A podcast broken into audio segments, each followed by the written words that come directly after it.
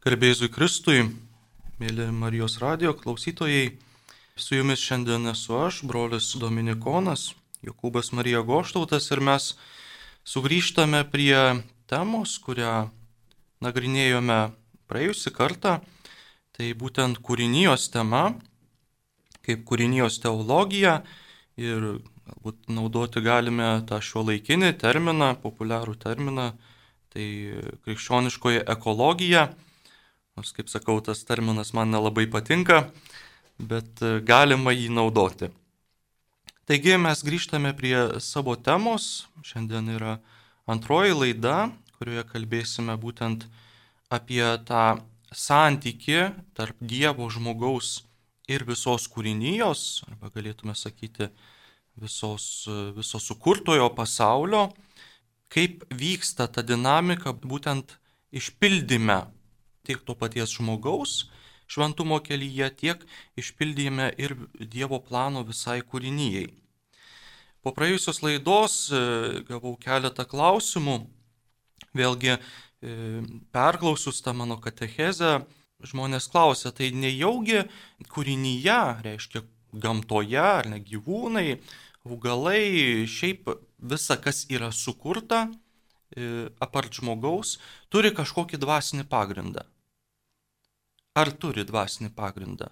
Sako, juk mes mokykloje, e, ar mokykloje, kai ruošiamės tikybos pamokose, arba kai buvo ruošimasis pirmai komunijai, katekizme, skaitėm, kad siela turi tik žmogus. Taip, e, dvasinę sielą turi tik žmogus. Tačiau kokį dvasinį pagrindą turi kūrinyje. Ir jeigu imtume, pavyzdžiui, Švento Tomo Akviniečio teologiją, jis sako, kad visi kūriniai, tiek gyvūnai, tiek augalai, e, jie turi gyvybės principą.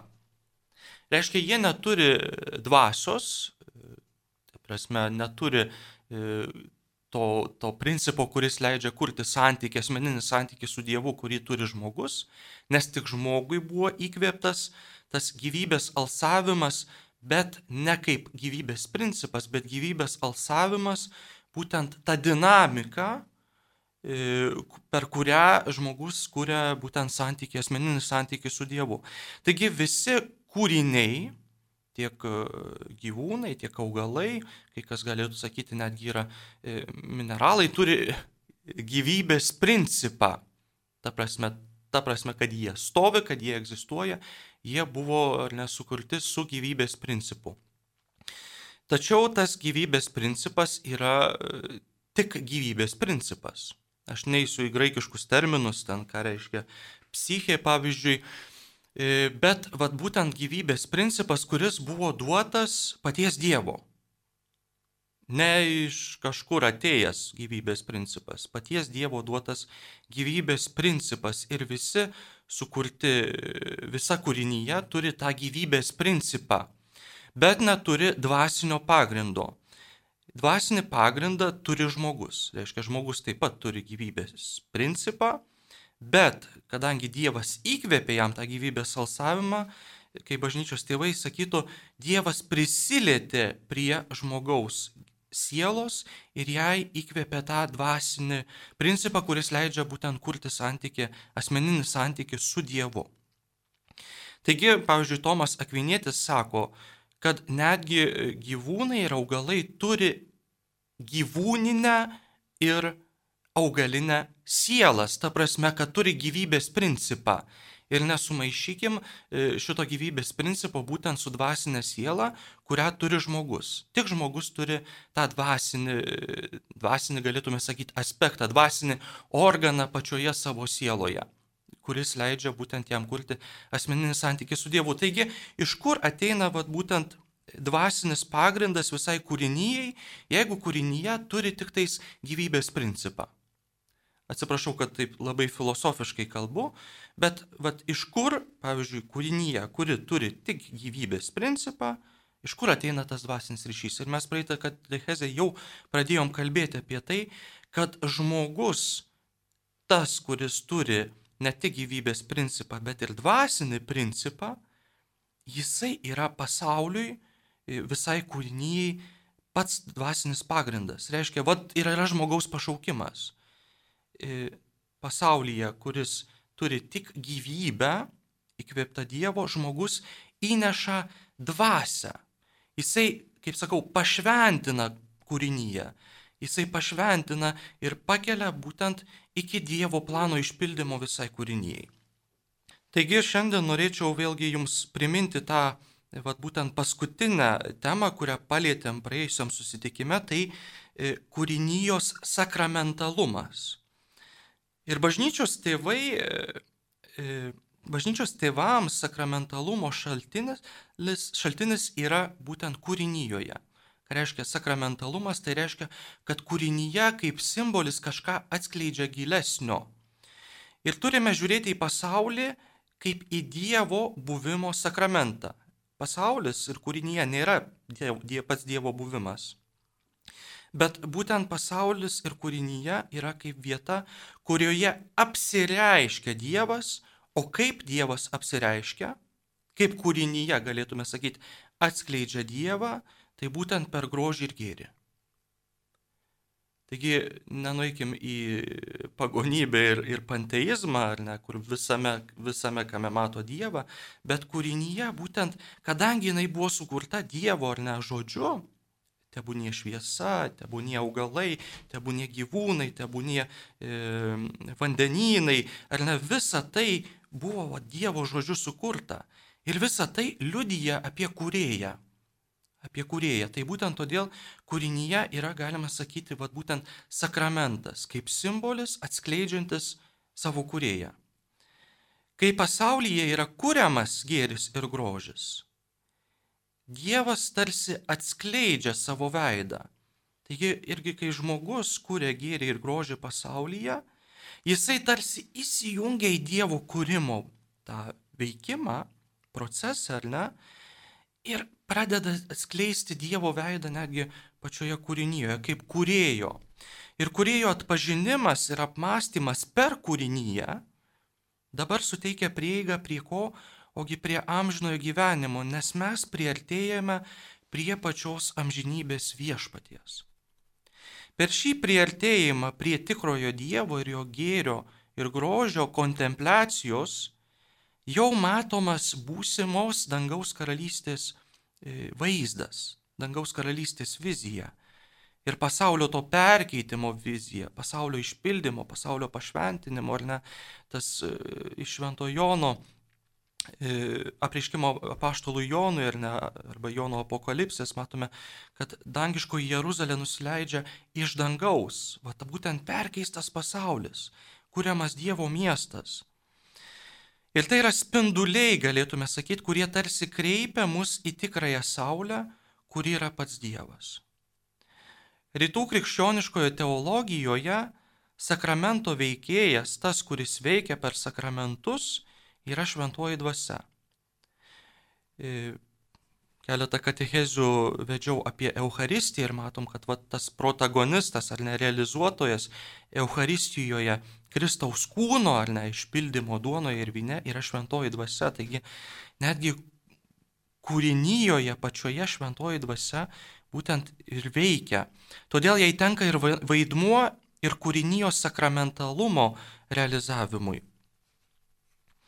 Ji yra siunčiama į pasaulį, kad prasiskverbtų į kūrinyje, kad ją atnaujintų bei perkeistų. Ir tos durys, galėtume sakyti, į kūrinijos perkeitimą yra kas? Ogi šventas žmogus.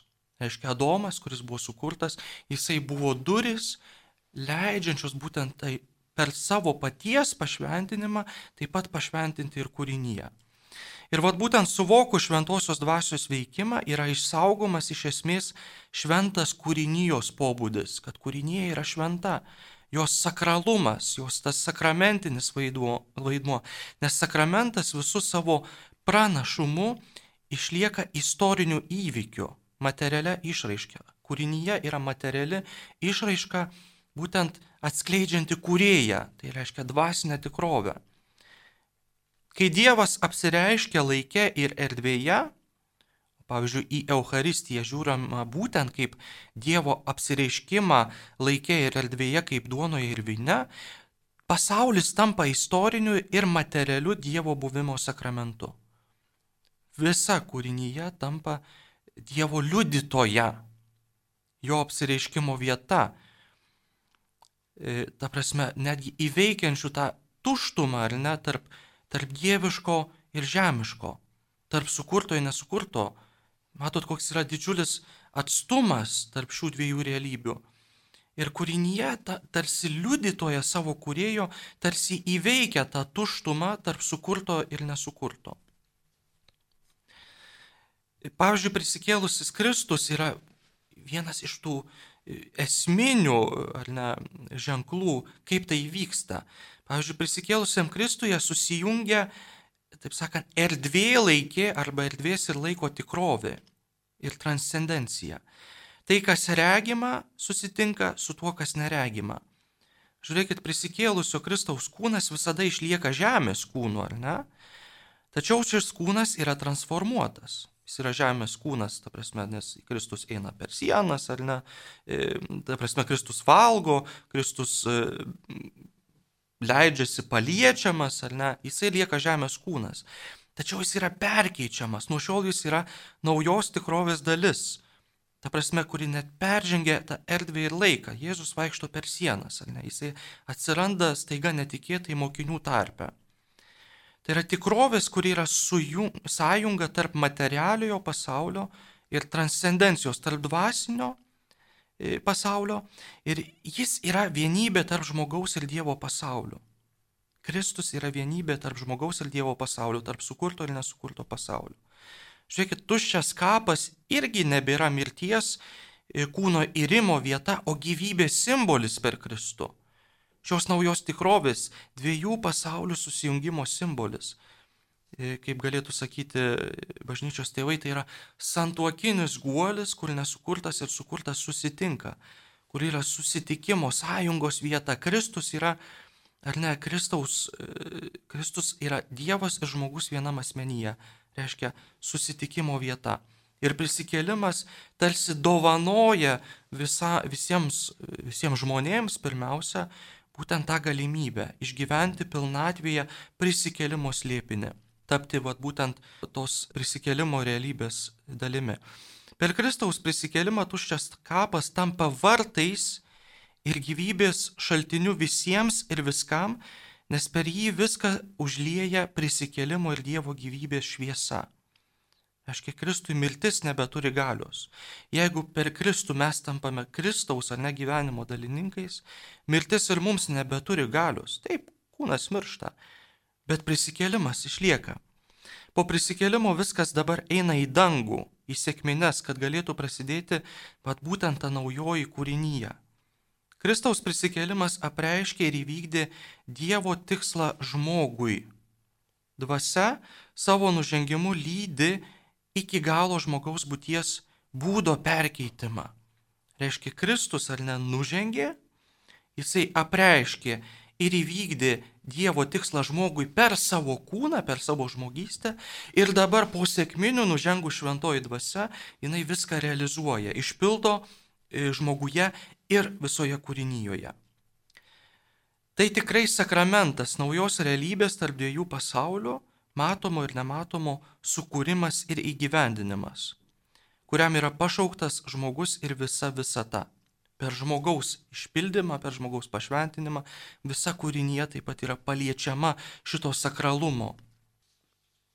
Taigi mes galime pradėti kalbėti, pavyzdžiui, apie pasaulį, jeigu kalbėjom apie sakramentalumą, tai apie pasaulį kaip ikoną. Ir, pavyzdžiui, vat, būtent sakramentalumas būtinai kreipia dėmesį į ikonos sampratą, pavyzdžiui, rytų krikščioniškame pasaulyje, rytų krikščioniškoje teologijoje, nes ikona nėra šiaip paveikslas ar nenutapytas. Tai būtent yra langas, tai yra simbolis, kuris nukreipia į dievišką tikrovę. Aišku, šventojo atvaizdas, pavyzdžiui, paėmus, jisai kalba ne tai, kad šventasis yra šitam paveiksle, bet tai yra langas leidžiantis būtent susitikti su tuo šventuoju. Ir kūrinė irgi yra vat, būtent kaip langas, kuris leidžia nueiti iki kurėjo, Dievo apsireiškimas pasaulyje, Dievo ir pasaulio buvimas Dievui. Ikona parodo dieviškumo sėklas mūsų pasaulyje, mūsų žemėje. O jei žemė yra ikona, jeigu kūrinyje yra ikona, nieko nėra neutralaus. Niekam netrūksta sakralumo, viskas yra šventa. Absoliučiai viskas yra šventa.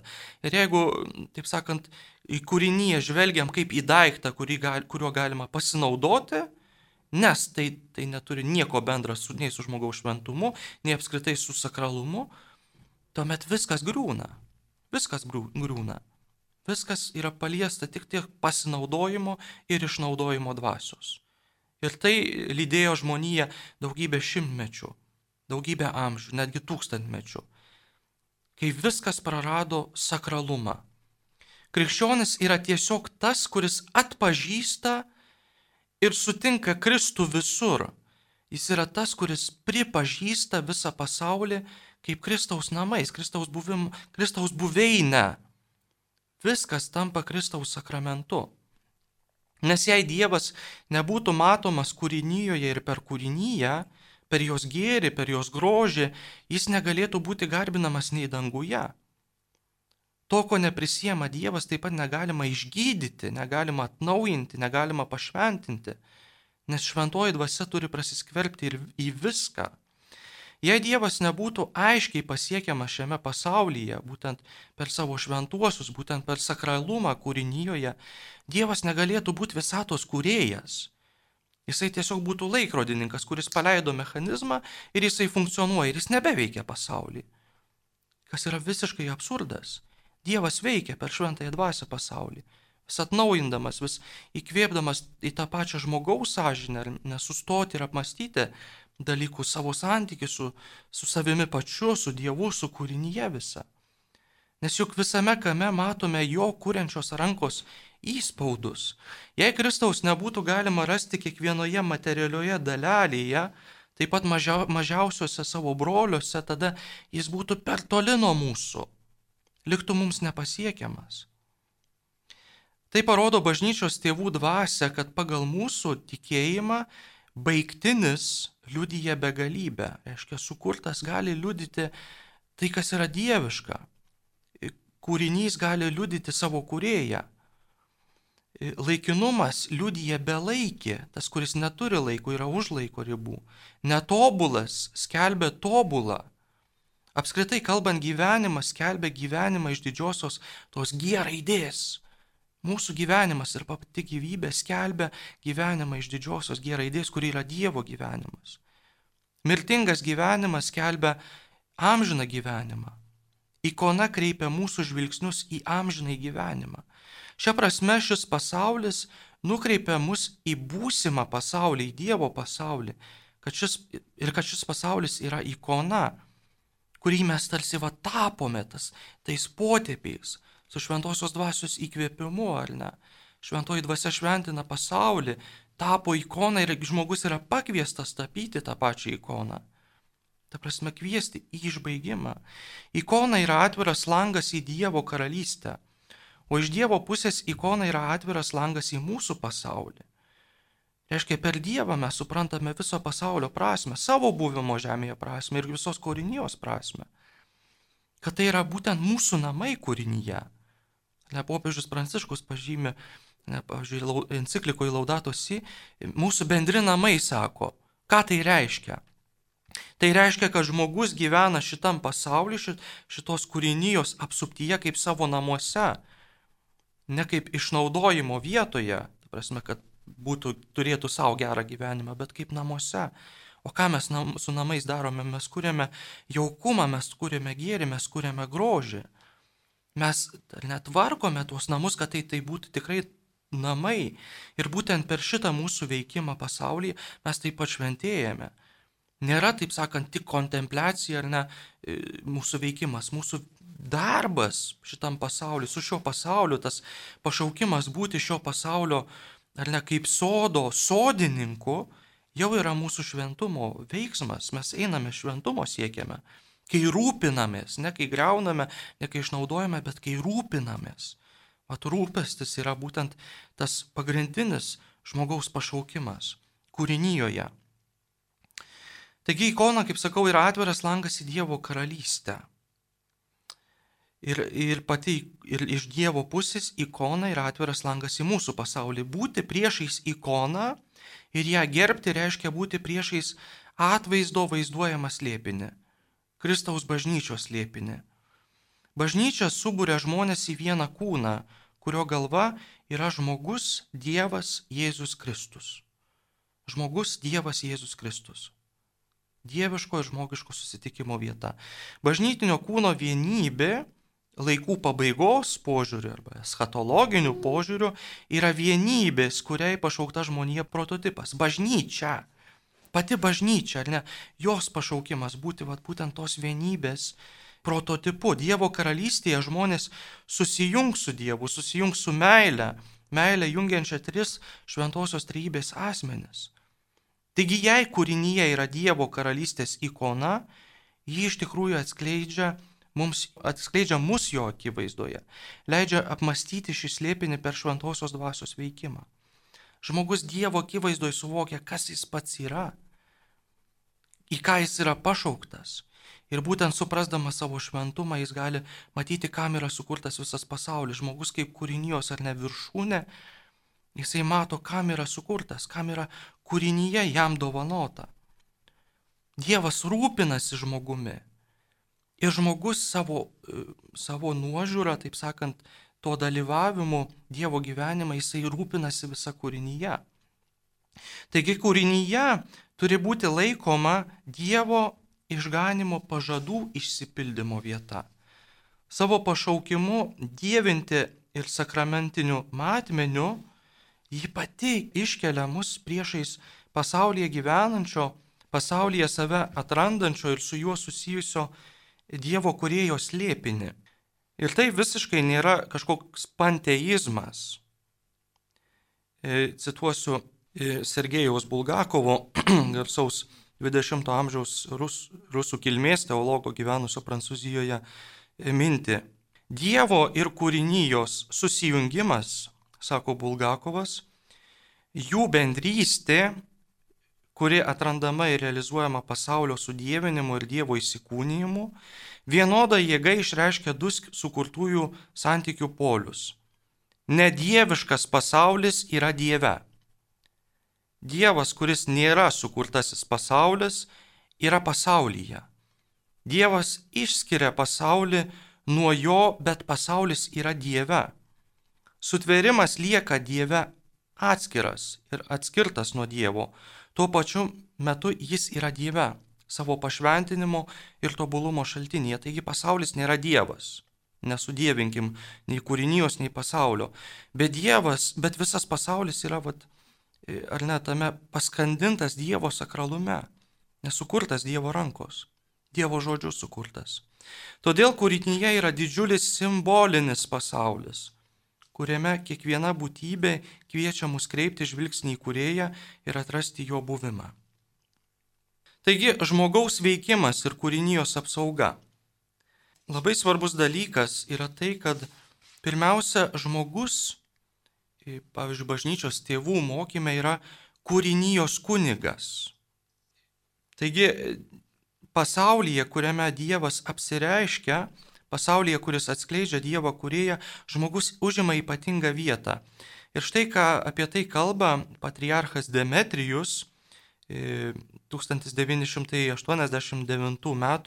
rugsėjo 1 dienos kalboje. Jis sako, žmogus, pasak bažnyčios tėvų, yra kūrinijos princas, besimėgaujantis laisvės privilegiją, dalyvaujantis materialiame ir dvasinėme pasaulyje ir kurintis ryšį tarp šių dviejų pasaulių. Kaip toks jis sukurtas tam, kad pakilėtų kūrinyje jos kuriejui, pašventintų ją jam, kad ji būtų išgelbėta nuo sunaikinimo ir mirties. Taigi ta prasme žmogus yra kūrinijos kunigas. Citatos pabaiga. Taigi matote, kad pasaulis turi sakramentinę ar ne aspektą. Aiškiai, jis liudyja kurie. Dėl to kūrinyjoje žmogus visų pirma turi liturginį ir Dievą garbinantį arba doksologinį pašaukimą. Jis yra sukurtas Dievo garbinimui. Jo pašaukimas yra šlovinti Dievą. Ir kur žmogus šlovina Dievą, ogi kūrinyjoje. Savo gyvenimu ir pačioje kūrinyjoje. Bažnyčios tėvams žmogus yra kūrinijos kunigas. Ir šią idėją iliustruoti pateiksime vat, būtent šventojo Leoncijaus iš Kipro tekstą, kurį kiekvienas iš mūsų galėtų netgi padaryti savo dienos, kasdienės dienos e, pradžios malda. Leoncijus sako šitaip. Danguje ir žemėje, ir jūroje, medžiu, ir akmeniu, relikvijomis, bažnyčios pastatais, ir kryžiumi, angelais ir žmonėmis, visu, kas regima ir nematoma, visa kūrinyje atiduodu pagarbą ir garbę kuriejui, visko valdovui ir sumanytojui. Tik jam vienam, nes kūrinyje negerbė kurėjo tiesiogiai ir atskirai, bet per mane, savo kunigą, dangui skelbė Dievo šlovę. Tegul per mane menulis garbina Dievą, per mane jį šlovina žvaigždės, per mane vandenys ir lietus, rasa ir visa kūrinyje, garbinkite Dievą ir šlovinkite jį. Ir šis kūrinijos kunigo pašaukimas suprantamas kartu su žmogaus pašaukimu gyventi pagal Dievo paveikslą. O Dievo paveikslas turi būti suprantamas ryšiumi su kūrinyje. Žmogus, kaip ir pasaulis, kurį jis nešiojasi savyje, yra dinamiška būtybė, pašaukta būti perkeista kaip ir pats žmogus, taigi dalyvauti Dievo gyvenime. Žmogus nebuvo sukurtas kaip savarankiška būtybė, tai yra pakankama pati savo, pats savo pakankama žmogus, save išpildantis, save užpildantis, save pilnai patenkinantis. Pati žmogaus prigimtis iš tikrųjų yra pilnai save realizuojanti tik tiek, kiek ji egzistuoja Dieve ir jo malonėje. Todėl Dievo malonė suteikia žmogui natūralų, galėtume sakyti, vystimąsi, tai reiškia pagal Dievo planą, bet kita vertus jis yra kūrinijos centras, mikrokosmas, o jo laisvas apsisprendimas nusako galutinį visatos sprendimą. Jeigu žmogus save pasmerkia, atsisakydamas Dievo gyvenimo, jis pasmerkia visą kūrinyje. Visa kūrinyje yra žmoguje ir randa savo sintezę, savo išsipildymą per žmogaus pašventinimą, bus, ir bus pašventinta būtent per žmogaus pašventinimą ir visą kūrinyje. Kūrinio, kūrinijos likimas yra intimiai susijęs su žmogaus likimu. Sukurtas pagal Dievo paveikslą, žmogus yra ir visatos atvaizdas. Jis yra visato žydinys, mikrokosmosas visatoje. Todėl kaip Dievo atvaizdas, jis yra kūrinys, bet ir kūrinijos kunigas. Ir Todėl bažnyčios tėvai ypatingai vysto mintį apie asketizmą, kodėl dvasinis gyvenimas toks svarbus žmogaus, e, žmogaus būtyje, žmogaus šventumo kelyje. Žmogus, kaip jau sakiau, yra sukurtas pagal Dievo paveikslą. Ir šlovinti Dievą jis yra pašauktas gyvenant kūrinyjoje, gyvenant pasaulyje, nes taip jis realizuoja savyje Dievo atvaizdą. Ir kadangi kūrinijos pabaiga yra visa ko perkeitimas per pašventinimą Dievo malonėje, pasaulio engimas žmogaus veiksmais yra suvokimas kaip blogis, klaidingas veikimas, kuris prieštarauja Dievo paveikslo savokai. Todėl tad reikia kalbėti apie dvasinį gyvenimą arba asketizmą. Asketizmas yra Dievo nusižeminimo ir meilės žmonijai imitacija. Dievas save apriboja, kad žmogus liktų laisvas atsakyti jo meilę. Ir šitaip yra įgyvendinama jo visagalybė, nes Dievo visagalybė pasirodo kaip Dievo meilės visagalybė. Kalbant apie žmogų, kuris nori pamėgdžioti šį apsiribojimą, reiškia save apriboti iš meilės, šį savęs nusižeminimą, kad palikti vietos Dievui veikti, Jis per askezę rūpinasi kuo, ogi vat pagrindiniu ekologijos e, klausimu tai yra tausojimu. Tausojimu naudojantis materialinėms gerybėmis. Šitaip jis parodo rūpesti kūrinyjei ir įgauna galę pakeisti pasaulį, jam suteikti tinkamą vietą, bet ne kaip pajamų ar savęs patenkinimo e, būtent šaltinį, bet kaip Dievo dovana. Asketiškas gyvenimas galiausiai yra švelnumo ir integracijos su savimi, vienas su kitu ir su visa kūrinyje kelias. Tai žmogaus ir kūrinijos susisaistimo priemonė, pasaulio perkeitimo priemonė Kristaus prisikėlimo judėjime.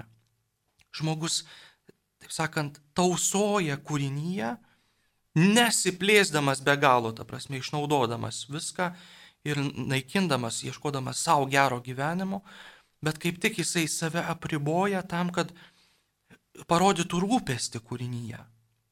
Asketizmas yra dvasios ir kūno poreikių suvienijimas. Ne per daug, va čia. Viskas, ko užtenka, bet ne per daug. Ne gyvenant pertekliuje, bet to, ko užte, tuo, ko užtenka man, mano dvasia ir mano kūnai. Asketas yra laisvas žmogus, jis nepaklūsta požiūriui, kuris piknaudžiauja kūrinyje. Jis nevaržomas pasaulio išnaudojimo būdų. Jis pasižymi savidisciplina, savikontrolė ir gebėjimu pasakyti ne ir užteks.